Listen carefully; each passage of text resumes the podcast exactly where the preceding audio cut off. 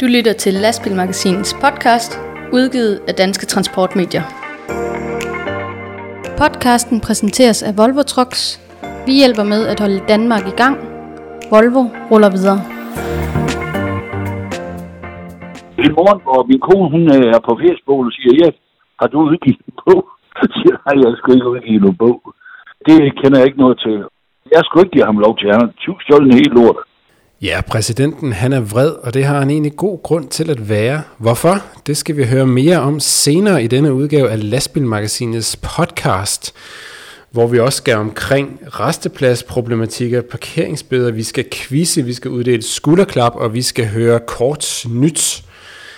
Det skal vi gøre i selskab med mig, Rasmus Hårgaard, som er vært på denne udsendelse, og jeg har som sædvanligt selskab af mine to kolleger fra Lastbilmagasinet. Den ene, det er dig, Ditte Toft Juste.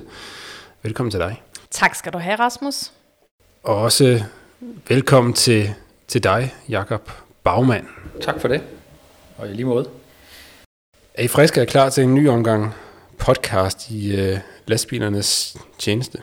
Ja, selvfølgelig er vi klar. Det er vi altid. Vi optager jo her hver anden torsdag, cirka. Og det er jo altid en fornøjelse og sjovt at, at lave et lille af, afbræk i, i de sædvanlige ting, og, og flytte fra tasterne over til, til mikrofonen i stedet for. Det er altid hyggeligt, og især her hjemme ved dig, Jakob, hvor vi, øh, hvor vi jo sidder i igen på grund af lidt på grund af corona, vel, vel egentlig. Ja, og vi er omgivet af masser af kaffe og usædvanligt meget øh, bagværk i dag, så det er perfekt set op til øh, en halv time eller tre kvarters øh, snak om lastbilbranchen. Først og fremmest velkommen til dig, der har valgt at lytte til denne udgave af Lastbilmagasinets podcast, der som sædvanligt er præsenteret i samarbejde med vores podcast sponsor Volvo Trucks.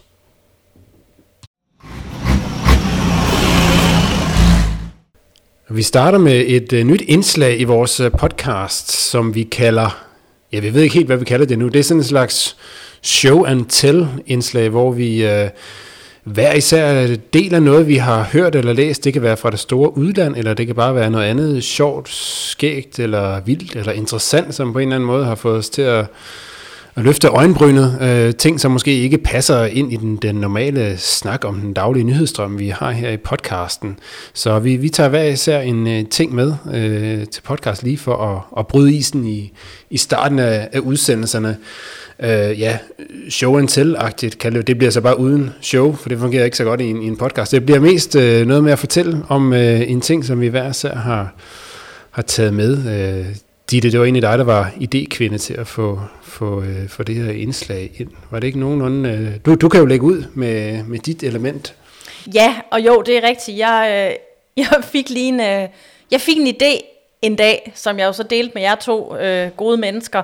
Fordi jeg synes jo tit, man, man som, som journalist her på, på Lastbilmagasinet sådan falder over noget, eller, eller læser noget øh, fra, fra transportbranchen. øh, noget der handler om lastbiler, chauffører og vognmænd, og både fra udlandet og, og selvfølgelig også herhjemmefra, hvor man tænker, det var da i grunden interessant, eller sjovt, eller for den sags skyld al- alvorligt og, og trist kan det også nogle gange være. Øhm, men noget, som måske ikke lige øh, passer ind i, som du lige sagde, den, den nyhedsstrøm øh, og, og de aktuelle emner, vi, vi sådan lige har. Så, øh, så jeg kunne godt tænke mig, øh, at, vi, at vi prøver at hver især komme med en ting, vi har, vi har set eller hørt om. Og, øh, og jeg kan jo sådan set lægge ud. Det vil jeg meget gerne. Fordi jeg...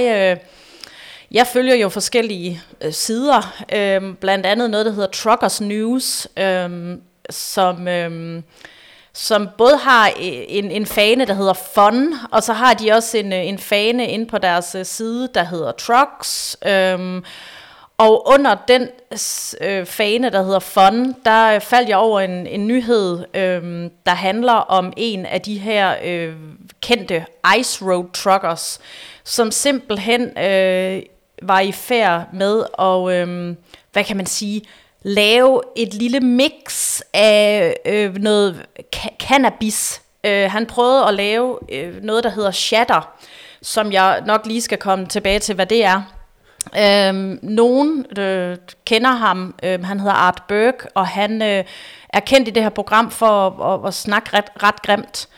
Øhm, så, så jer, der har set det her Ice Road Truckers, I, øh, I kender nok Art Berg. Men han har altså fået øh, halvandet års øh, husarrest, fordi han simpelthen øh, fik sat ild til øh, sin egen lejlighed og de omkringliggende lejligheder, fordi han skulle lave det her øh, cannabis mix, der hedder Shatter som er en, øh, ja, det er noget, øh, det er noget ulovligt noget, som, man, som er en eller anden, sådan en eller anden form for substans, hvor man koncentrerer noget marihuana ned til øh, meget, meget let, så det bliver ekstremt stærkt. Øh, og det skal man jo holde sig fra, fordi det kan man jo se, det kan gå voldsomt galt for sådan en, øh, en, en trucker-mand øh, her. Øh, kan, vi, kan vi kalde ham en chatrøv? Det, det kan vi godt. Vi kan godt kalde Art Berg for en, øh, en chatrøv, når han sidder derhjemme og, og koger chatter. Så øhm, halvandet års øh, husarrest og, og ikke så meget øh, trucking til, øh, til den kære chauffør. Og du siger art, altså ligesom i øh, ART? ART, okay. Berg. B-U-R-K-E. Jamen, jeg har lige googlet ham. Jeg kan godt kende ham. Det var fordi, du startede med at sige, at han var kendt for at at tale grimt, og nu har jeg jo set et par sæsoner af Ice Road Talks. Jeg vil sige, det kunne, det, det kunne dække over et, øh, mere end en af, af, af deltagerne. Af stjernerne i, i, ja. i det program. Ja, jamen man får jo øh, man får jo helt lyst til at, at sætte sig ned og se den øh, første sæson. Hvad? Det har I vel begge to set? Ja, jo, men det er fordi, jeg har ikke nogen DVD-afspiller. Og, Og jeg kan forstå, at vi på kontoret har øh, et par sæsoner Ice Road Truckers liggende, men øh, det kan jo være en, være en dag, hvor man ikke har så meget at lave, man lige kan fyre den i, i DVD'en ned på kontoret, og så sidde og nyde lidt øh, grimt sprog og, og nogle store trucker. Jamen, jeg havde både sæson 1 og 2 i min... Øh i min gamle samling af trokkerfilm og serier, øh, men øh, nu har jeg ikke, heller ikke selv nogen DVD'er, så nu har jeg doneret den til et skab nede på kontoret, så det må vi jo på en eller anden øh, dag have op på storskærmen nede på øh, kontoret. Jeg så de første par sæsoner af det der Ice Road Truckers for nogle år siden, og så faldt jeg lidt fra, jeg ved ikke, hvor mange sæsoner de nåede at lave, en, en par hundrede stykker eller sådan noget, tror jeg. Det, så det der er nok at gå i gang med? Ja, det var meget sjovt, men... Øh, måske også kørt lidt i samme rille. Øh, lastbiler kører hen over isen, og så så var det egentlig, egentlig det. Men det var meget sjovt et par sæsoner. Ditte, nu siger du, at vi kan sætte os ned og se noget Ice Road Truckers, men jeg har, jeg har også faldet over noget, som, som er lidt i den modsatte grøft, fordi det handler om, at chaufførerne de skal til at rejse sig mere op og, og være mere aktive. De har jo et, øh, en arbejdsuge, der er, der er kendt for at være utrolig lang, og, og, og de bruger mange timer bag rettet, og det er faktisk, det er faktisk den øh, erhvervsgruppe, der har den længste ugelige arbejdstid, chaufførerne, men man vil altså gerne have dem op og, og dyrke noget frokostfitness. Og øhm, det er DGI og DEF, der står bag det her initiativ, og, og det handler simpelthen om, at, øh, at chaufførerne de skal til at røre sig noget mere. Det øh, kan jo også være svært for en chauffør, som er, er i sin lastbil mandag til fredag, at være aktiv i et, i et fitnesscenter, eller i en lokal idrætsforening, eller på anden måde øh, få dyrket noget motion. Så, så, så de her øh, organisationer, de har i regi af det, der hedder Bevæg dig for livet, der har de lavet nogle, øh, nogle frokost-fitness-øvelser, hvor man følger chaufføren Torben, som øh, under kyndig vejledning af en øh, fitnessinstruktør øh, laver nogle øvelser på, øh, på, på få sekunder ude på, på restepladsen. Der er i alt 10 nemme øvelser inde på den her hjemmeside. Det er inde på bevægdigforlivet.dk. Øh, så man kan lige gå ind og kigge på, på Torben og se, hvad, hvad, hvad det er, han har gang i. Øvelse 1, det er jo for eksempel noget med, at man skal, man skal lave nogle bryst- og skulderøvelser, og, og øvelse 4, den hedder boksning, og så er der en, der hedder sidebøj af nakken og knæbøjninger og så videre og så videre. Men øh, tjek det ud. Det, jeg har set en af videoerne, det, det, det virker ret sjovt meget af det faktisk. Jeg har også set en af videoerne, Jakob, og, øh, og ja, ud og lave noget frokostfitness ud på restepladsen, det lyder da så fint. Ved vi egentlig noget om, om ham Torben der, der er med, er han en ægte lastbilchauffør, eller er han en skuespiller? Det kan man bare til at tænke på. Jeg vil da tro, at han er, er rigtig chauffør. Hvorfor, hvorfor, hvorfor tror du andet? Det ved jeg ikke. Jeg, det ved jeg ikke. Jeg synes bare, han var lidt karikeret. Men uh, det er jo nok bare mig. Det, uh, det kan sagtens være, at han er uh, helt ægte lastbilschauffør. Så uh, følg Torbens øh, og fitnessinstruktørens gode øh, øvelser, så øh, er jeg sikker på, at man kommer i topform. Ja, det, øh, der er altså ikke nogen øh, undskyldning for ikke at få øh, vaskebræt og store bøffer, bare fordi man sidder i et førhus til daglig, øh, åbenbart. Jeg har også taget lidt med, jeg har faldet over en artikel fra øh, det sydafrikanske medie Focus on Transport. Øh, det handler lidt om, nu har vi jo i øh, Danmark og, Europa generelt talt meget under hele den her coronakrisen om chaufførernes rolle, og de har jo fået sådan en... Øh, en lidt usædvanlig opblomstring, som øh, nogle af samfundets helte, der ligesom holder, eller i hvert fald var holdt samfundet i gang, da coronakrisen var på sit højeste, og fik en sjælden positiv fremhævelse. Jeg tror endda, at de var med i en, en af dronningens nytårstaler, eller undskyld, ikke en nytårstale, men en dronningens coronatale i øh, marts, eller hvornår det var. Så det var øh, helt specielt. Sådan er det ikke helt i det sydligste Afrika, hvor den her artikel er fra, der er sådan, at øh, i, øh, i øh, landet Botswana, som ligger lige øh, nord for, for Sydafrika, der øh, har man fundet frem til, at officielt i hvert fald, at lastbilchauffører er skyld i 80% af coronaspredning, og det betyder, simpelthen betyder, at lastbilchauffører de bliver behandlet som øh, ja, totalt øh, øh uønsket af, af samfundet. De, øh, den måde, de transporterer varer frem og tilbage på øh, mellem Sydafrika og Botswana, det er, at de bliver simpelthen øh, eskorteret af, af politi. De holder i kø i timevis, dagevis, nogle gange ugevis ved, ved grænsen, og u, uden at vide, hvornår de, de kommer over. De må ikke forlade deres lastbil, øh, heller ikke for at gå på toilettet. Og ja, I hørte rigtigt, heller ikke for at gå på toilettet, så øh, jeg kan forestille mig, at der er nogle... Øh, en, en masse plastikflasker og andre ting i, øh, i sådan et førerhus efter en uh, lang eksporttur, som uh, trænger til at blive modet ud. Um, og uh, der er sådan en, en sydafrikansk journalist, som hedder Charlene Clark, som uh, lastbilmagasinet kender igennem sådan et internationalt jurynetværk, som har dykket lidt længere ned i de her tal, og det viser sig jo, at uh, når lastbilchauffører umiddelbart er udpeget som de her store coronaskurke, så handler det måske mest om, at det er primært dem, der passerer grænserne, og dermed er det jo stort set kun lastbilchauffører, der bliver testet. Det er jo sådan i Sydafrika, især lande som Botswana. Det er ikke lige sådan, at man kan gå hen om hjørnet og, og trække en coronatest i en anden øh, mobil øh, testcenter, og det er heller ikke sådan, at der kommer antistoftest ud med e-boks og, og så videre, så, øh, så det, der er ikke så meget at sige til, at øh, lastbilchauffører bonger ud på det her barometer, men det, det er ikke rigtig noget, man sådan øh, tager, tager højde for. Så de her lastbilchauffører, de, de lever nærmest isoleret i deres førerhus under øh, helt forfærdelige forhold under de her lange transporter. Um, og øh, der er en... Øh, den her lidt deprimerende artikel slutter med et interview med en, en direktør for et øh, meget stort sydafrikansk transportfirma, som gør deres bedste for at øh, give deres chauffører nogenlunde forhold. Og han, øh, han udtaler, at en chaufførs liv er meget ubehageligt for øjeblikket. De øh, har endeløse forsinkelser, de bliver konstant testet for virus, skal i karantæne og uden at kunne tjene penge 14 dage hver gang de har afsluttet en tur. De må ikke forlade deres førerhus, leve under horrible arbejdsvilkår og bliver altså nu fremstår altså som samfundets fjende nummer et. Så det er sgu ikke sjovt at være chauffør dernede lige for, for øjeblikket, så, så er det trods alt bedre at, at køre herhjemme. Det må man sige. Stakkels, øh, stakkels chauffører. Hold da op, det var da, det var da noget trist noget. Det må man sige. Således øh, opløftet af den øh, historie, så går vi videre til øh, de aktuelle emner, vi har på dagsordenen i dag. Vi skal øh, snakke lidt om restepladser og parkeringsafgifter. Det har vi gjort før, øh, men øh, sagen om øh, forholdene for ikke mindst øh, ja, både danske og udenlandske chauffører på de danske restepladser omkring de her nye parkeringsregler, det giver stadigvæk bøvl, det giver stadigvæk spørgsmål til myndigheder og ministre, som ikke rigtig bliver besvaret for, for alvor. Øh, Jakob, du har, du har talt lidt med, med nogle mennesker om det her problem. Ja, det har jeg. Øhm, det er jo sådan, at cirka hver sjette parkeringsafgift, der bliver uddelt til en udenlandsk chauffør, bliver betalt. Og det er altså hver sjette, der bliver betalt. Det er rigtig mange P-afgifter, der ikke bliver betalt.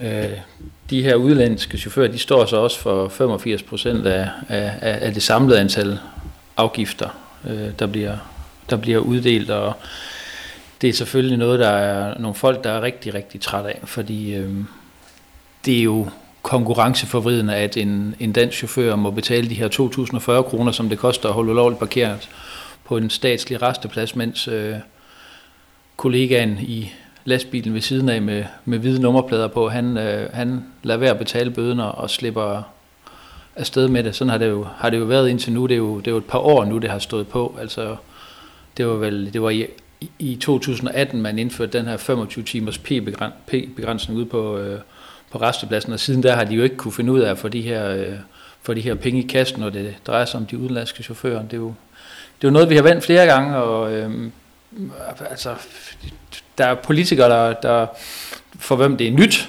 øh, det her. Der er også øh, chauffører og vognmænd, som, for hvem det her overhovedet ikke er nyt, som har, som har klaget over det her helt fra start, og, og DTL, det er Dansk Transport og Logistik, øh, vognmandsorganisation, de har jo taget kontakt til, øh, til transportministeren helt tilbage i, i juni måned, hvor de har sagt, at det her det holder jo simpelthen ikke, og det er en hån mod branchen. Det, det har han så først lige valgt at svare på lige nu her fire måneder senere. Og de, de har jo stillet en række forslag til, hvad man skulle gøre for at komme det her problem til livs, men øh, det er jo ikke rigtig noget, han svarer sådan for alvor på, Ben Engelbrecht. Øh, han henviser til, at man, man, man har gang i noget øh, og forsøger at få et, en, en kassofirma til at inddrive de her bøder for, for udenlandske chauffører. Jeg har prøvet at spørge Transportministeriet, hvordan det så går med at få de her bøder i kassen, men, øh, og, og, og man har gang i, i en kassoinddrivning, men øh, jeg spurgte i mandags, og nu skriver vi altså torsdag middag, og man sagde, at man vil vende tilbage hurtigst muligt, men øh, man er altså ikke vendt tilbage endnu med et svar på, hvordan det egentlig går med at,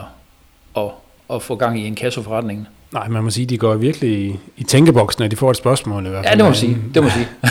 men, øh, men Jacob, en ting er, at øh, uden at de kan køre fra deres bøder. Noget andet er, øh, synes jeg, jeg, jeg, jeg læste noget om, at øh, det er heller ikke alle chauffører, der, der synes, at, øh, at bøderne bliver delt, delt ligeligt ud på, på restepladserne. Kan Nej, det er jo spørgsmålet, om de gør det. Øh, jeg talte med en chauffør i går, som havde fået en bøde på resteplads Skærup, altså ved, øh, ved den østjyske motorvej. Han, øh, han fortæller så, at øh, nabobilerne på hvide plader, som også holdt ulovligt parkeret uden for den afmærkede bås, de øh, havde altså ikke fået nogen P-hilsen der tidligt om morgenen. Øh, det undrer ham meget. Han måtte selvfølgelig betale de her 2.040 kroner, men, men som han siger, det er da mærkeligt, at, at han skal betale, når øh, de østeuropæiske øh, situationstegn kollegaer, de slipper. Så jeg har jo sådan lige prøvet at spørge ud på via vores Facebook-side, om der er andre, der, der kender til det her fænomen med, at, øh, at der ikke bliver delt bøder ud til de udenlandske chauffører. Man kan så sige, at de her bøder til de udenlandske chauffører, hvis de alligevel ikke bliver betalt, så er det måske også bare... Øh, bare spild af god papir, eller, eller hvad skal vi sige til det? Det er jo, det er jo helt, øh, altså, det er jo, øh, det er jo tragikomisk, det her.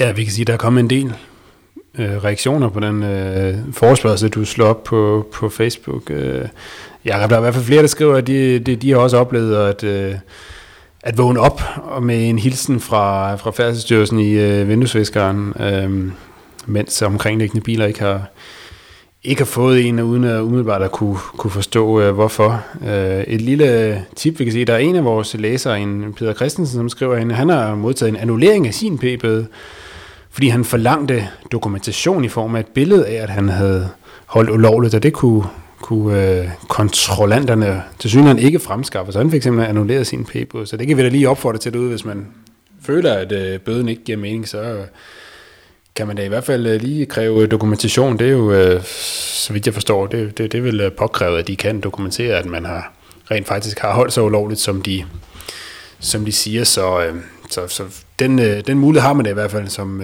som Problemet med den her 25 timers P-begrænsning, det er jo også, at det er jo virkelig også, at, at chaufførerne de ikke får bøder for, for at overskride de 25 timer, de får bøder for alt muligt andet, og det er jo typisk, fordi de holder på tværs af en bås, eller holder bag ved en bås, fordi der ikke er plads ude på, øh, på restepladsen. De seneste tal fra, øh, fra Færdselsstyrelsen, de viser, at der er uddelt 12 bøder, i alt 12 bøder i august måned til chauffører, som har overskrevet de 25 timer. der er ikke uddelt til danske øh, chauffører, der er altså uddelt 12 til, til udenlandske chauffører. Derimod så er der jo uddelt øh, adskillige flere bøder til øh, chauffører, som, øh, som er holdt uden for bussen. Og det var jo ikke det, der var planen med den her... Øh, med den her regel her, det var jo, at man ikke skulle holde mere end 25 timer ude på restepladsen, men øh, jeg spurgte her forleden dag øh, transportordfører Hans Christian Skiby så det her spørgsmål, fordi han har skrevet et debatindlæg til os, hvor han siger, at det kan sgu ikke være rigtigt, at, øh, at udlændinge de kan slippe for det her. Så, så spørger jeg ham så også, om det er, øh, om den her, om, om den her 25 timers regel så ikke er en fejlkonstruktion, så siger han, at åh, man skal jo ikke, øh, det skal jo, man skal selvfølgelig, det skal jo selvfølgelig virke efter hensigt, men nu er det jo ikke det, jeg sætter fokus på. Det er jo, at, at bøderne de skal i kassen, så det var sådan lidt et udenomsvar, og øh, ja, det er jo, det er jo en følgetong, det her. Ja, det må man sige, og det, det du siger om, at øh, bøderne aldrig rigtig i større grad er blevet uddelt for det, som loven jo egentlig blev, blev indført for, det har vi jo sat, sat fokus på mange gange, men øh, der, er ikke rigtig, der er ikke rigtig sket så meget ved det af, af den grund øh, alligevel. Øhm, og øh, man, man, kan jo, man kan jo nogle gange undre sig over, hvorfor, hvorfor der skal, når vi beklager os over, øh, eller branchen beklager sig over mangel på resteplads parkeringskapacitet, at man så ikke giver lov til, at man trods alt udnytter restepladsen. Hvis man kommer, som jeg, jeg også selv øh, nogle gange gør i sene aftentimer, eller øh, ind på en resteplads, så er det rigtigt, at der er fuldstændig lastbiler over det hele, men jeg har nu aldrig oplevet, at man ikke kan, kan komme igennem, så, så der er jo ikke noget argument for, at det, det ødelægger fremkommeligheden, fordi de fleste chauffører er selvom de er presset til at holde råden, så plejer de at holde råden på en så ansvarlig måde, at man stadigvæk godt kan, kan, kan komme igennem. Så øh, det er ikke rigtig øh, en, en øh, ud, hvad hedder det, det er ikke rigtig en øh, implementering af loven, som, som giver mening. Man kunne godt efterspørge noget konduite fra, fra kontrollanternes side i hvert fald. Det er jo, det virker for skørt der. Men jeg tænker bare, at når, når Jacob, du siger, at der er ikke givet, givet nogen bøder for øh, overskridelse, eller der er ikke givet ret mange bøder for årets, ja, 12 bøder for overskridelse af 25 timers P-reglen. Jamen er det så ikke et udtryk for, at, øh, at øh, chaufførerne overholder øh, den regel, som Danmark har udstukket? Jo, men det er jo i hvert fald ikke, øh, der bliver jo ikke givet bøder for det, der var, der var hensigten med, eller det er jo ikke, det er jo ikke overtrædelserne er jo ikke, er jo ikke de 25 timer, det handler om. Det handler jo om alt muligt andet, og det var jo ikke, altså hensigten med loven og med kontrollen, det var jo, at, øh, at man skal de 25 timer til livs, det er jo ikke, at man skal give bøder, fordi der er mangel på, mangel på restepladser, det er det, chaufføren de skal bonges for. Det er jo det, de bliver, fordi der er mangel på restepladser. Ja, nu ved jeg heller ikke, hvordan man konkret øh, uddeler sådan en bøde for en øh, 25 timers parkering, men hvis man skal konstatere det, så skal man nærmest komme mindst to dage i træk for at spotte den lastbil, så man kan ikke uddele en bøde på stedet, så det giver sig selv, at det er lidt mere bøvlet at uddele sådan en bøde, og man kan sige, når staten eller Færdselsstyrelsen ligesom har fået til opgave at lave sådan et, øh, få sådan et hele kontrol setup i gang ovenpå, at den her lov blev indført. Man kan sige, hvis man kun skulle uddele bøder efter det, som egentlig var lovens hensigt, nemlig de her 25 timer, så vil man øh, punkt 1 ikke uddele ret mange bøder, og man vil øh, punkt 2 kun uddele til, til udlændingen, kan vi jo se ud fra, fra tallene. Og de bøder, der så vil uddele, uddelt, de vil stort set ingen af dem vil blive betalt, så det vil jo være ren udgift for statskassen, stats kassen at skulle have det her kontrol op, så hvis man skal på en eller anden måde have, have, have finansieret noget af, af hele det her øh, kontrolarbejde, ja. Hele, hele det her kontrolarbejde, så er man jo nødt til at finde nogle øh, lækre danske lastbiler, som vi kan give nogle bøder for at holde øh, en halv meter ud over en streg, eller holde øh, helt uden for en bås, øh, selvom den ikke holder vejen. Så kan vi uddele en, en lækre bøde til dem, og hvis ikke de betaler, så har vi jo andre redskaber til at komme efter dem, hvis det er en dansk øh, lastbil. Så, så det er jo det er vel helt lavpraktisk sådan, der bliver tænkt, også i det her, går ud fra. Ja, det kan jo lyde grimt at tænke det højt, men, øh, men øh, det, det lyder da meget plausibelt, det du siger der, Rasmus. Tak. Podcasten præsenteres af Volvo Trucks. Vi hjælper med at holde Danmark i gang. Volvo ruller videre. Nu skal vi en tur ind i litteraturens verden, så at sige. Det skal handle om en øh, bog om lastbilchaufføren Erik Bergen. Det var en bog, der udkom i slutningen af sidste år, lige tæt op til, til julehandlen. Chaufføren øh, Erik Bergen, han er bedre kendt i øh, brede trokkerkredse under navnet Mr. President. Han er en øh, velkendt dansk trokkerlegende, grundlægger af, af trokkerklubben Convoy Body, og han var en af de store drivkræfter bag den trokkerbevægelse, som havde stor succes i, øh, i Danmark, op, især op gennem 80'erne. Han har udgivet øh, en række forskellige øh, musikalbum, som har vundet popularitet i brede kredse og oplevet utrolig mange ting fra sit, fra sit liv i, i showbiz og på landevejen. Så det forekommer derfor meget naturligt egentlig, at der udkom en bog om Mr. President.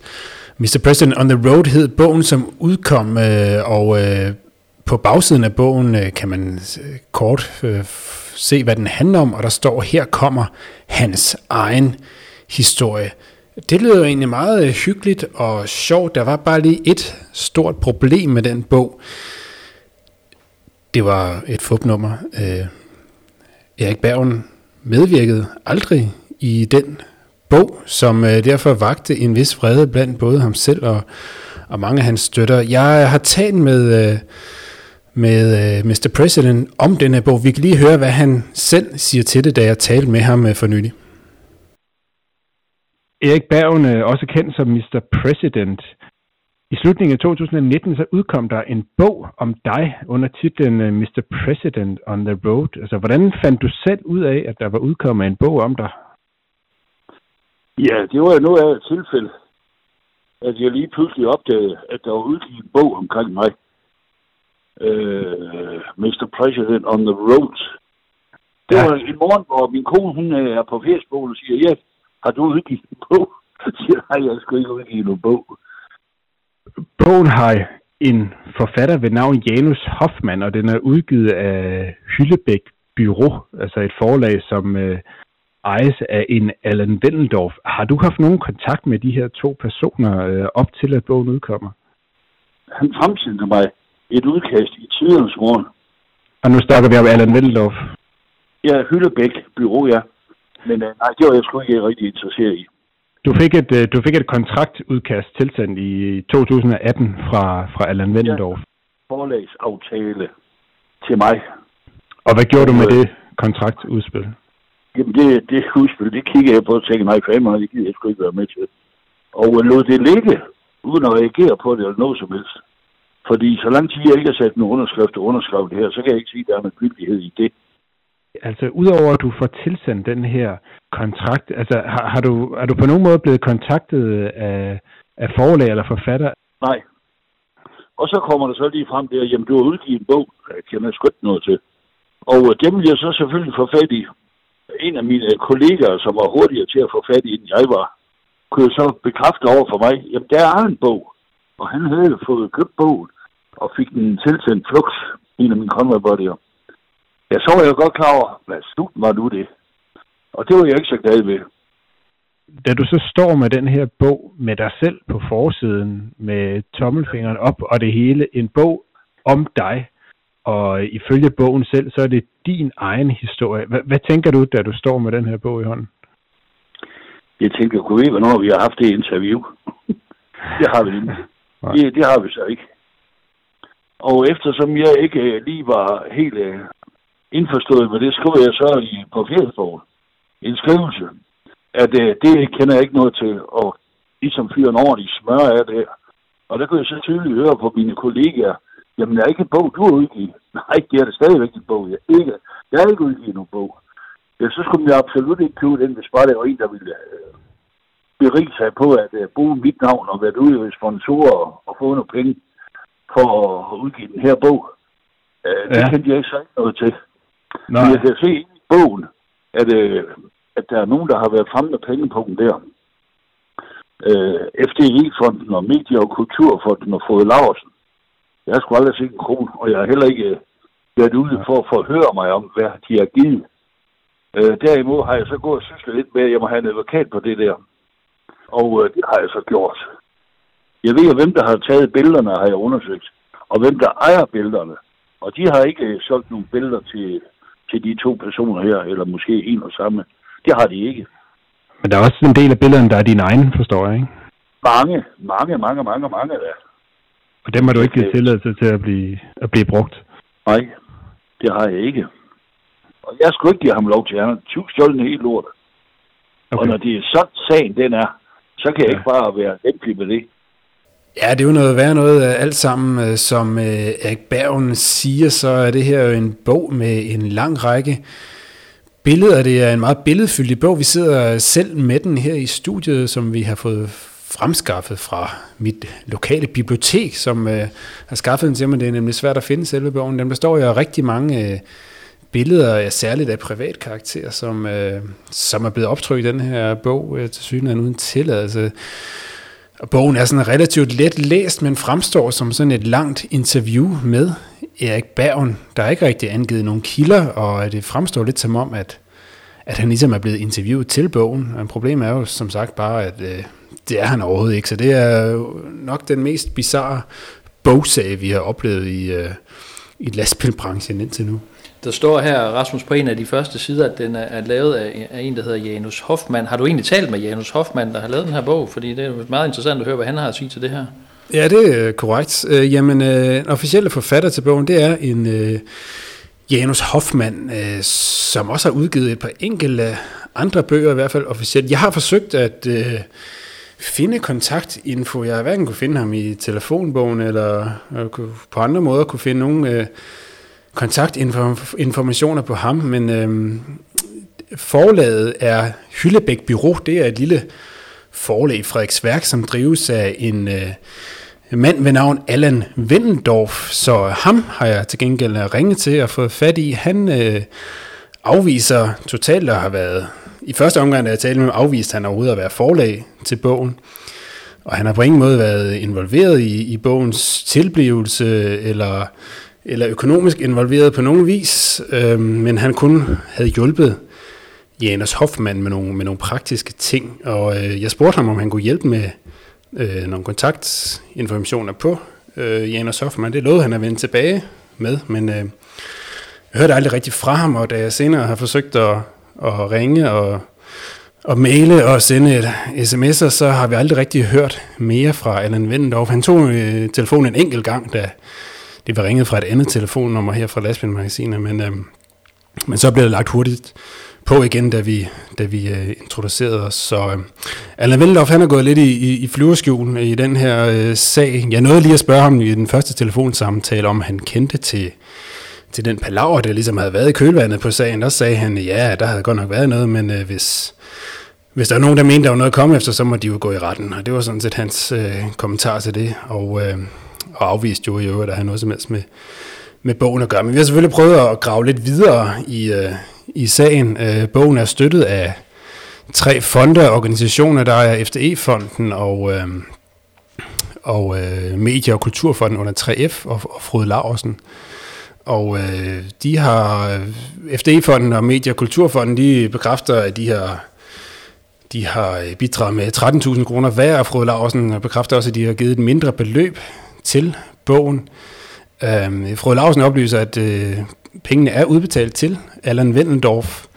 Øh, hverken FDE-fonden eller 3F Medie- og Kulturfonden vil af øh, principielle årsager oplyse, hvem der har, hvem pengene er udbetalt til, men men øh, ifølge lastbilmagasinets kilder, så, øh, så er det Allan Wendendorf, som i alle tre tilfælde står som, som, som øh, afsender på de her fondsansøgninger. Så det hænger jo dårligt sammen med, at han øh, hverken er involveret i bogens øh, tilbliven eller noget andet. Øh, og som sagt, øh, ingen spor af Janus Hoffmann, og øh, spørgsmålet er, om, om Janus Hoffmann overhovedet eksisterer, eller om det rent faktisk...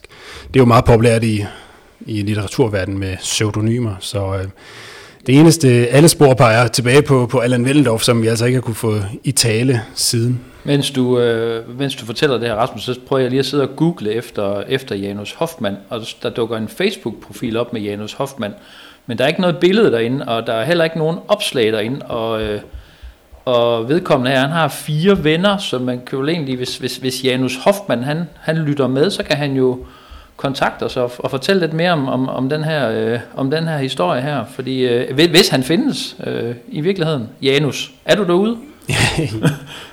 ja, hvis, øh, hvis, han, øh, hvis han findes. Der kan jo være flere, der hedder Janus Hoffmann, så øh, ja, vi hører meget gerne fra Janus Hoffmann, og også gerne fra, fra Allan Wendendorf, som altså ikke rigtig har ønsket at bidrage til at, at klarlægge den her sag. Jeg kan lige øh, tilføje, at det kontraktudkast, som Øh, Erik Bergen også fortalte om i et interview, vi havde med ham, øh, det var et, som blev tilsendt til øh, Erik Bergen i 2018, og der var der altså også Allan Vellendorf fra Hyllebæk Bureau, der stod som, som forlag og afsender på den her kontraktsforslag til samarbejde om at lave en bog, så at Allan Vellendorf på en tid har været involveret i den bog, det stemmer, det stemmer meget dårligt med alle de andre oplysninger, vi, vi har i den her sag. Men det kunne jo bare være så rart at høre fra Allan Wendeldorf eller Janus Hoffmann for den sags skyld, eller om det er en og samme person, eller hvad det er. Hvorfor? Altså, jeg mener, vi kan, man kan, Mr. President er jo en spændende mand øh, for, for os her i, i branchen, og, for, og der alle kender ham jo i vores branche. Øhm, og en ting er at, at skrive en bog om en, en eller anden stor øh, minister, eller, og, og hvor vedkommende så siger, nej, jeg har ikke lyst til at være med i den bog, men okay, der er måske et, en, en økonomisk gulderod i, at jeg som forfatter skriver en bog om dig, fordi du er kendt i den brede befolkning, eller kendt i hele verden, og folk vil gerne købe den her bog. Der, jeg tænker, den, den økonomiske gulderod øh, i, i udgivelsen af sådan en bog her, som, som hovedpersonen i bogen aldrig nogensinde har ønsket øh, at medvirke i, eller stillet op til, eller øh, øh, givet rettighederne til billederne videre. Jeg forstår simpelthen ikke, hvorfor øh, sådan en forfatter eller et forlag siger, afsted med sådan en bog og, og faker citater fra, fra manden i bogen øh, og, og, og bare tager de her billeder er privat, altså det er jo private billeder, når man sidder og, og bladrer bogen igennem, som, som jo, som man kan gå ind og stjæle på Facebook måske, men man bør da vide, som et forlag eller forfatter, at det her, det går da ikke bare sådan uset øh, hen. Jeg vil virkelig gerne spørge Allan Wellendorf eller Janus Hoffmann, hvorfor? Ja, det har du fuldstændig ret i, Ditte. Det er en... Øh umiddelbart komplet øh, vanvittig sag. Og som du siger, det her med at lave portrætbøger af folk, det, øh, det kender man jo indimellem, at øh, nogle mennesker må finde sig i, at der bliver lavet bøger om dem, selvom de ikke har lyst til, men det, det kender vi jo normalt fra, fra, det kan være øh, folk i meget magtfulde positioner, det kan være politikere eller andre øh, kendte mennesker fra, øh, fra, det tunge, fra det tunge erhvervsliv, store kulturpersonligheder, eller, eller som har andre former for fremtrædende pladser i det, i det offentlige liv, der må man indimellem finde sig, at der bliver lavet bøger eller, eller andre udgivelser om en, uden at man er helt enig. Men øh, jeg vil sige, selvom øh, Erik Bergen er kendt i øh, trokkerkredse, så er han jo ikke en position, der udfylder en øh, magtfuld position i, i samfundet, så det, det, det giver jo absolut ingen mening at lave en udgivelse, og, øh, og selvfølgelig så er der jo rent objektivt, så må man jo ikke bare 20 stjæle billeder eller opfinde citater, lavet som om man interviewer en person, man slet ikke har interviewet. Og hvis man så 20 stjæler citater alle mulige andre steder fra, så skal man i det mindste kildeangive. Det her det er jo et totalt forfalsneri af en bog, så det er, en, det, det er helt vanvittigt øh, sag. Jamen, der er jo billeder, hvor han står i, i hvor øh, Mr. President står i sit køkken og, og, og steger frikadeller, og, og fair nok, at, at, at man måske har lyst til at lægge sådan et billede på Facebook en hyggelig søndag aften, hvor man står i køkkenet, og, men at få det fyret ud i sådan en bog, hvor ens, øh, alle de mennesker, der kender en, pludselig tror, at man selv har udgivet en bog, hvilket man ikke har, og jeg synes, det er fuldstændig vanvittigt. Altså. Rasmus, har du, har du læst bogen?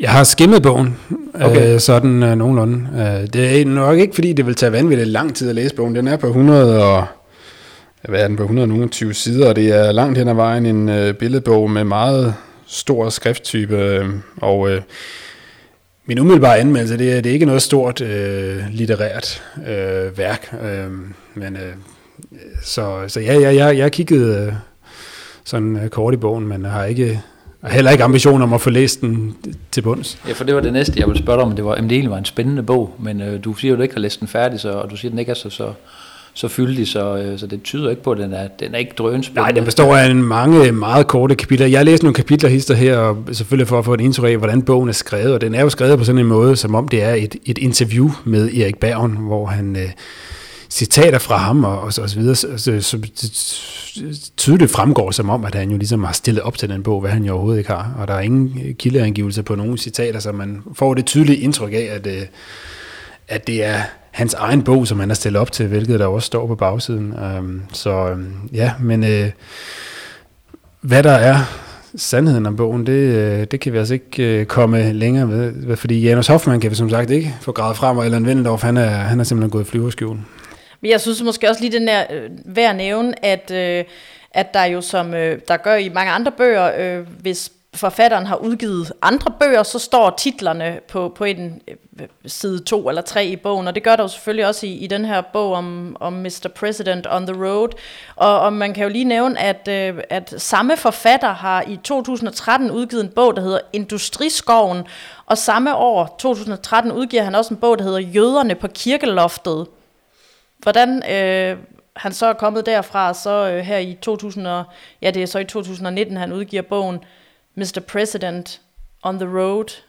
Ja, det kan man jo også spørge sig selv om, og, og ikke få noget svar på. Men øhm, ja, Ja, det er jo et godt spørgsmål. Jeg har også prøvet at, at finde andre artikler om øh, de her bøger, som Janus Hoffmann angiveligt har skrevet. Jeg har fundet en enkelt artikel fra et lokalt medie i, i Nordsjælland, hvor der øh, er en omtale af, af, af en af de bøger der, men der er det igen Allan Vendelhoff, der udtaler sig om bogen. Jeg har ikke set nogen udtalelse fra en, en Janus Hoffmann. Det er jo også nogle af de spørgsmål, som jeg har forsøgt at, at ringe til Allan Vendelhoff flere gange for at få svar på. Jeg har sendt ham sms'er og e-mail, så nogle af de spørgsmål, vi har sendt til ham, det er netop, øh, hvem har egentlig skrevet den her bog? Øh, eksisterer Janus Hoffmann overhovedet? Vi vil først gerne have svar på, hvordan Allan Vendelofs oplysning om, at han slet ikke er involveret i bogen, hvordan det stemmer overens med, at at han jo selv har fremlægt øh, kontraktudspil øh, til øh, Erik Bagen, og, og øh, at han har modtaget øh, fondsbevillinger øh, osv. Vi vil selvfølgelig gerne høre hans overvejelser om at bringe bogen uden hans eget ønske, og hvorfor den er skrevet på så misvisende en måde, hvorfor man har valgt at bruge fotos uden tilladelse, og hvordan man kan kalde bogen Erik Bergens egen historie, når han ikke slet ikke vil deltage, øh, og hvordan ideen overhovedet kom til at lave en bog om Mr. President, fordi det her forlag Hyllebæk Bureau, som Allan Wendendorf driver, det dyrker mest sådan lokale og historiske emner. Øh, så hvordan øh, det her, den her bog lige kommer ind over i den sammenhæng, det, det er svært at forstå, og vi vil så også gerne have hørt ham, om han har måske i sinde at give Erik Bergen en, en undskyldning, eller fortryder den her udgivelse, men Øh, det ønsker Allan Lindendorf altså heller ikke at, at kaste lys over, men øh, vi øh, er selvfølgelig stadigvæk øh, meget interesseret i at tale med ham, hvis øh, han skulle have lyst til at tale med os en dag. Øh, Bogen er svær at opdrive. Øh, så vidt vi kan se, så er den, øh, vi kan i hvert fald ikke finde den til salg nogen steder mere. Øh, det hænger måske sammen med, at, øh, at øh, Mr. President selv øh, reagerede øh, kraftigt imod den på, på, på Facebook og i sin omgangskreds, efter den blev, blev udgivet, og, og at øh, Allan Vendelov slet ikke ønsker at udtale sig om den, og ikke besvare vores henvendelser. Det kan selvfølgelig også tyde på, at han øh, har fået iskolde fødder i den her sammenhæng, og forsøger at, at få det hele til at gå væk ved at, ved at lukke øjnene og telefonen. Men øh, så hvor mange bøger, der er solgt osv., det kunne vi også tænke os at høre, men men øh, det må vi se. Nu kan det være, der venter et restligt efterspil, for der er der i hvert fald nogle øh, advokater og så videre, som, øh, som kigger på det. Øh, det må vi se, hvad det, hvad det bliver til. Ja, men, øh, og vi kan jo lige tilføje, at Mr. President, altså Erik Bergen, han, øh, han er jo i dag øh, 76 år. Han kører stadigvæk øh, lidt lastbil, og han bliver jo øh, jævnligt af sine venner spurgt om, om der ikke kommer en bog om ham selv, altså en, en rigtig bog med hans egne medvirker. Det spurgte jeg sådan set også øh, ham selv om, om, øh, om man kunne forvente at få en, en rigtig portrætbog af, af Mr. President, øh, og det svarer han øh, sådan her til. Hvis jeg når det, inden jeg stiller træskoene, jeg så vil jeg rigtig gerne lave en bog med nogle rigtig gode billeder og fortælle lige fra A til Z i alle detaljer. Det vil nok komme til at fylde mere lavet med en leksikon. Men det er så det. Men selvfølgelig kunne det blive en interessant bog. Så lige nøjagtigt, øh, hvornår jeg har lyst til det, det ved jeg ikke. Ditte, står du ikke og i gang imellem at mangler en god brugt lastbil? Jo, det gør jeg faktisk øh, ret tit, men jeg ved bare ikke, hvor jeg skal gå hen. Jamen, det er jo så heldigt, at uh, lastbilbasen.dk, det er jo branchens førende site for brugt transportmateriel, lastbiler, trailer og andet tilbehør. Det har nu fået en øh, helt ny og bedre øh, betalingsplatform. Man har mulighed for at tilvælge PayProof, så du kan simpelthen få en sikker betaling på lastbilbasen.dk. Det er helt gratis at oprette sig således, at øh, både køber og sælger bliver sikret ikke at øh, blive taget ved næsen i sådan en handel. Og øh, man kan se mere om, om det samarbejde inde på siden lastbilbasen.dk. Men hvad så, hvis jeg står i øh, Tyrkiet eller Rusland og har brug for en øh, brugt lastbil? Hvor går jeg så hen fra lastbilbasen.dk? Det lyder noget dansk. Om det er rigtigt, det er faktisk øh, sjovt, du spørger, fordi lastbilbasen har netop fået en 2.0 version en international site, som hedder tachines.com, og det er altså T-A-C-H-I-N-E-S.com, hvor fokus altså netop er på udlandet. Øh, og der kan man altså gå ind og øh, se, det foregår på sådan en, en helt ny og intuitiv platform, hvor øh, brugervenligheden er i top, og uh, det er altså med, med fokus på det, på det internationale marked, så der er altså også noget at uh, komme efter der, når man skal enten er på udkig efter brugt materiale, eller trænger til at komme, komme af med noget, så uh, der synes jeg også lige, at du skulle gå ind og tjekke det ud. Det skal jeg så meget. Tusind tak for serviceinfo der. Og det var altså lastbilbasen.dk med ny sikker betaling. Det er nemt at oprette sig, og øh, det er en god garanti for både køber og sælger. Og så tashins.com, hvis fokus er på, på udlandet.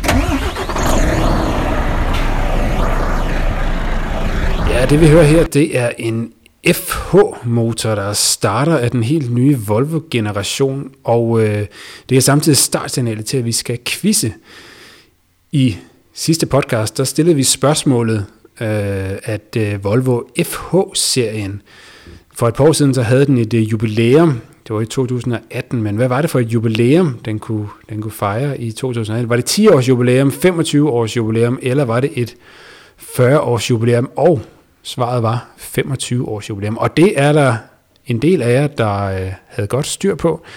Og øh, Ditte, vores egen lykkens gudinde, du vil nu øh, grave dybt i øh, koppen med de rigtige besvarelser. Det vil jeg i hvert fald, og øh, lad os se, hvad vi kan fiske op af koppen her.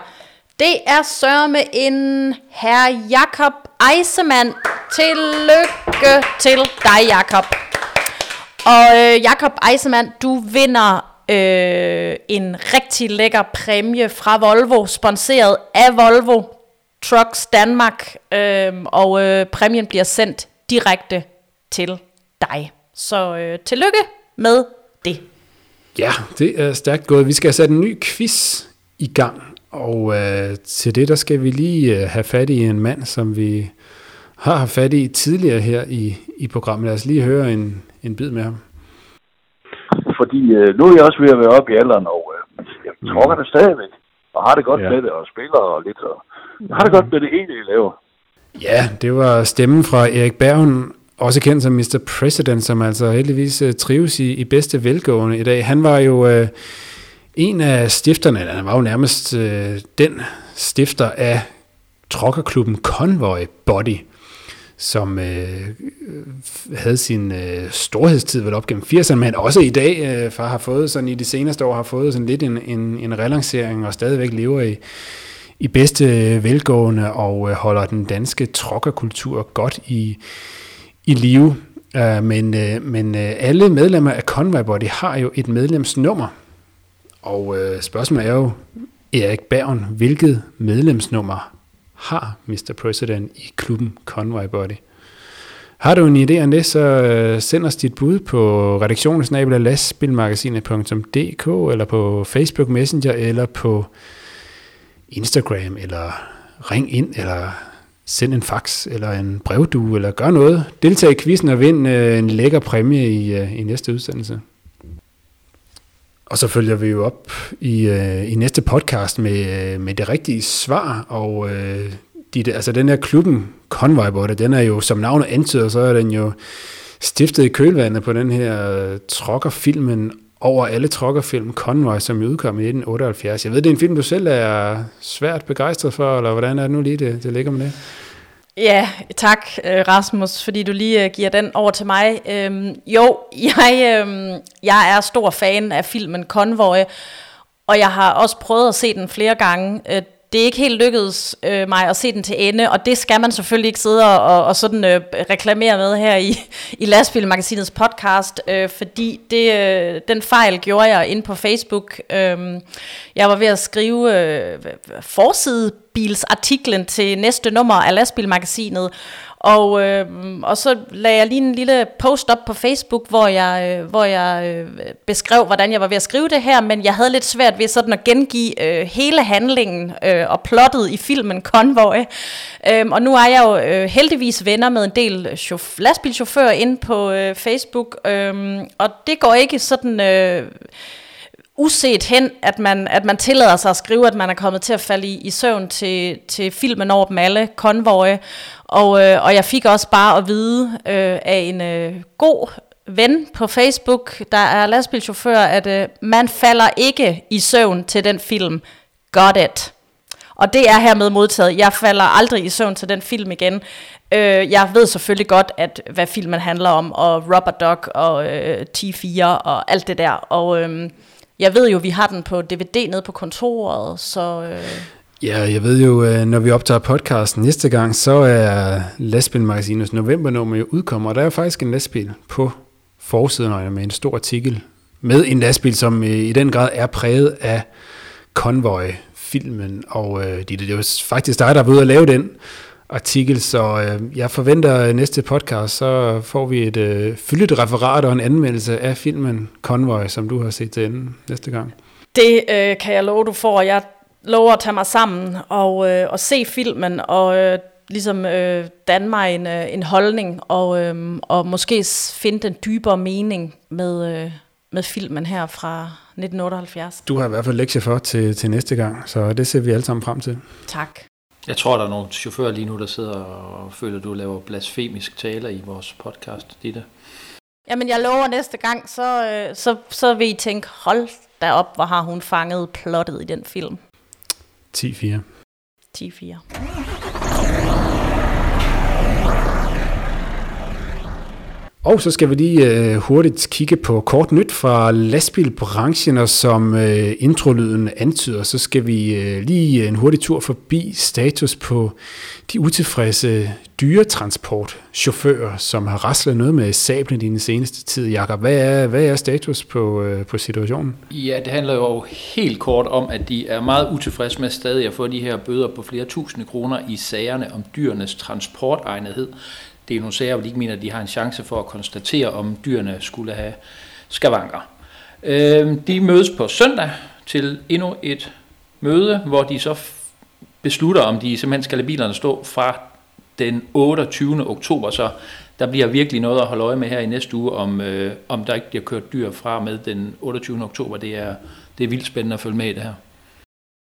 Vi holder øje. Er der sket andre spændende ting i lastbilbranchen? Ja, men altså, vi kan da lige hurtigt nævne, at øh, Kurt Beyer Transport, de har simpelthen stævnet øh, NTG, speditionsfirmaet.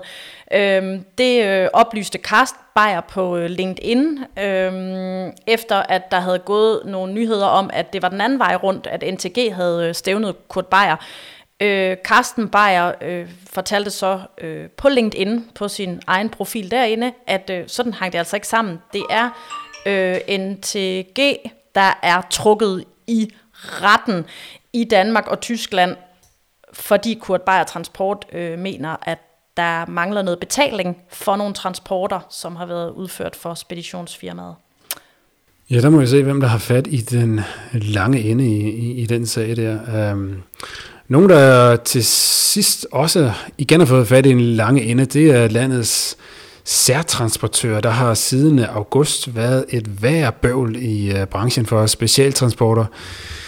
Det, det er, den har været helt gal med øh, at ansøge om tilladelse til særtransport. Ventetiden har øh, på grund af nogle nye øh, procedurer gået, gået helt øh, agurk, så det har haft store konsekvenser for, for mange af landets store øh, firmaer specialiseret i, i særtransport, som har skævværet branchen en del har gjort det virkelig svært at udføre deres arbejde med mistede øh, ordre til, til følge. Så, øh, men øh, nu er der ret op på situationen igen, øh, og øh, det er en, øh, det kunne man forklare længere om, hvad det egentlig er, det, det handler om. Det korte og lange, det er, at øh, Færdselsstyrelsen har analyseret sagen og øh, har meldt ud, at øh, den løses bedst ved, at øh, politiet de kan bare gå tilbage og gøre sådan, som de gjorde før. Og så er det bøvløst. Og det, ja, Det kunne man måske have løst hurtigere, kunne man tænke. Men, øh, Det sådan, kunne man godt tænke. Sådan er der så meget. Men øh, nu skulle det køre igen på skinner, for nogenlunde i hvert fald, for ansøgninger til særtransport. Så hurra for dem. Og vi skal jo også huske, at vi skal give et skulderklap. Det plejer vi jo gøre hver gang. Øh, er der egentlig nogen, der har nogle idéer til, hvem der skal have ugens skulderklap? Øh, ja, jeg har da en idé. Øh, for en gang skulle det mig, der har en idé. Vi øh, havde en omtale for et par uger siden af en, øh, hvad skal man sige, en meget øh, øh, håndfast og handlekraftig chauffør fra, fra Sverige, går jeg ud fra, han er i hvert fald fra, fra Sverige. Det handlede om en, øh, egentlig en lidt kedelig sag fra øh, det centrale Stockholm. Der var en... Øh, en, øh, en, en dag her for et uger siden i Stockholm, hvor politiet to gange måtte rykke ud til efter anmeldelse om skærmysler og mishandling af en kvinde, der foregik på åben gade i området Södermalm. Det er sådan en centralt kvarter lige øh, i, i Stockholms centrum, men øh, politiet kunne ikke finde hverken offeret eller gerningsmand. Men øh, kort efter så fik de en ny anmeldelse, og inden politiet nåede frem, der var der altså en lastbilchauffør, der havde taget affære. Han fik simpelthen øje på det her par, hvor en øh, mand ganske rigtigt var i færd med at simpelthen tæve og mishandle en kvinde på åben gade. Så manden stoppede sin lastbil, gik ud, slog manden ned og hoppede ind i lastbilen og kørte videre. Kort proces, må man sige. Og da politiet nåede frem, så var både lastbilchaufføren og den her mand, som havde mishandlet den her kvinde, de var altså forduftet. Men øh, Kvinden fortalte, at øh, den voldelige mand, det var åbenbart hendes samlever, og førte politiet med til parrets lejlighed, og øh, han blev derefter anholdt og sigtet for at have mishandlet den her kvinde. Men først så måtte han i en tur forbi øh, sygehuset og blive øh, lappet lidt sammen, fordi øh, lastbilsføreren, ja, han slog altså en, en, en pro på næve umiddelbart. Så, øh, Jeg ser sådan en lastbilverdenens Batman for mig, der øh, rykker ud i sine øh, lastbiler så, øh, og får stoppet det her. Og selvfølgelig skal man ikke opfordre nogen til at slå nogen, der slår nogen andre, men øh, skulderklap til ham. Ja, men det er jo sådan lidt øh, superhelteagtigt. Ind øh, uh, løse uh, øh, sagen, og så afsted igen, inden der overhovedet er nogen, der opdager. Man forestiller sig, at chaufføren han er fløjet væk med en kappe på ryggen og, og, og lastbilen efter sig i, i, i den her sag. Og som du, siger, som du siger, vi skal selvfølgelig ikke opfordre til vold, men lige i den her sag virker det jo som om, at det har været på sin plads. Og politiet siger jo også, at man har øh, ikke... Det udtaler de til et, øh, det svenske medie Mitti.se, som er sådan en lokal stokholmsk medie, at øh, de har ikke eftersøgt den her chauffør, selvom han har har, har tævet den her mand, fordi han har faktisk ikke gjort noget forkert, heller ikke efter lovgivning, fordi hvis en anden person er i nød og ikke kan forsvare sig, så har man som set lov til at overtage en anden persons nødværve og gribe ind, øh, også på en lidt øh, hårdhændet måde. Så, øh, så øh, ja. Sådan.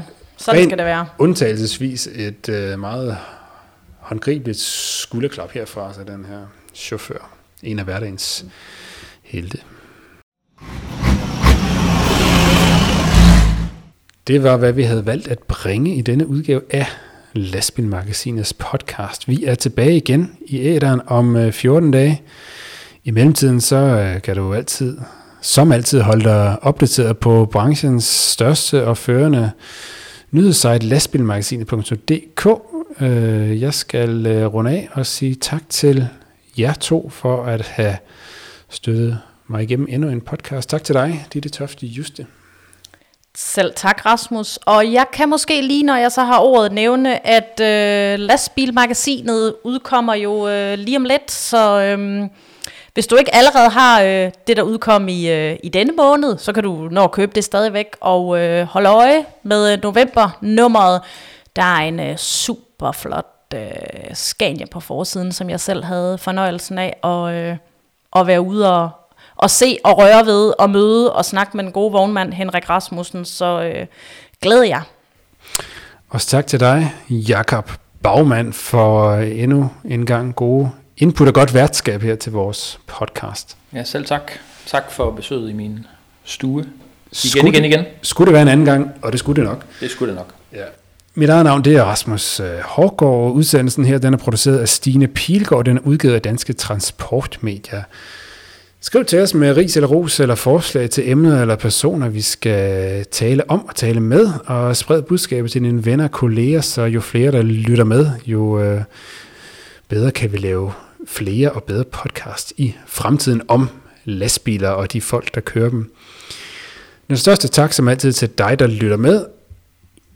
Udsendelsen er som altid præsenteret i samarbejde med Volvo Trucks.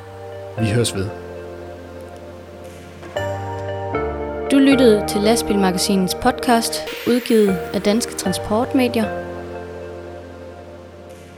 Podcasten præsenteres af Volvo Trucks. Vi hjælper med at holde Danmark i gang. Volvo ruller videre.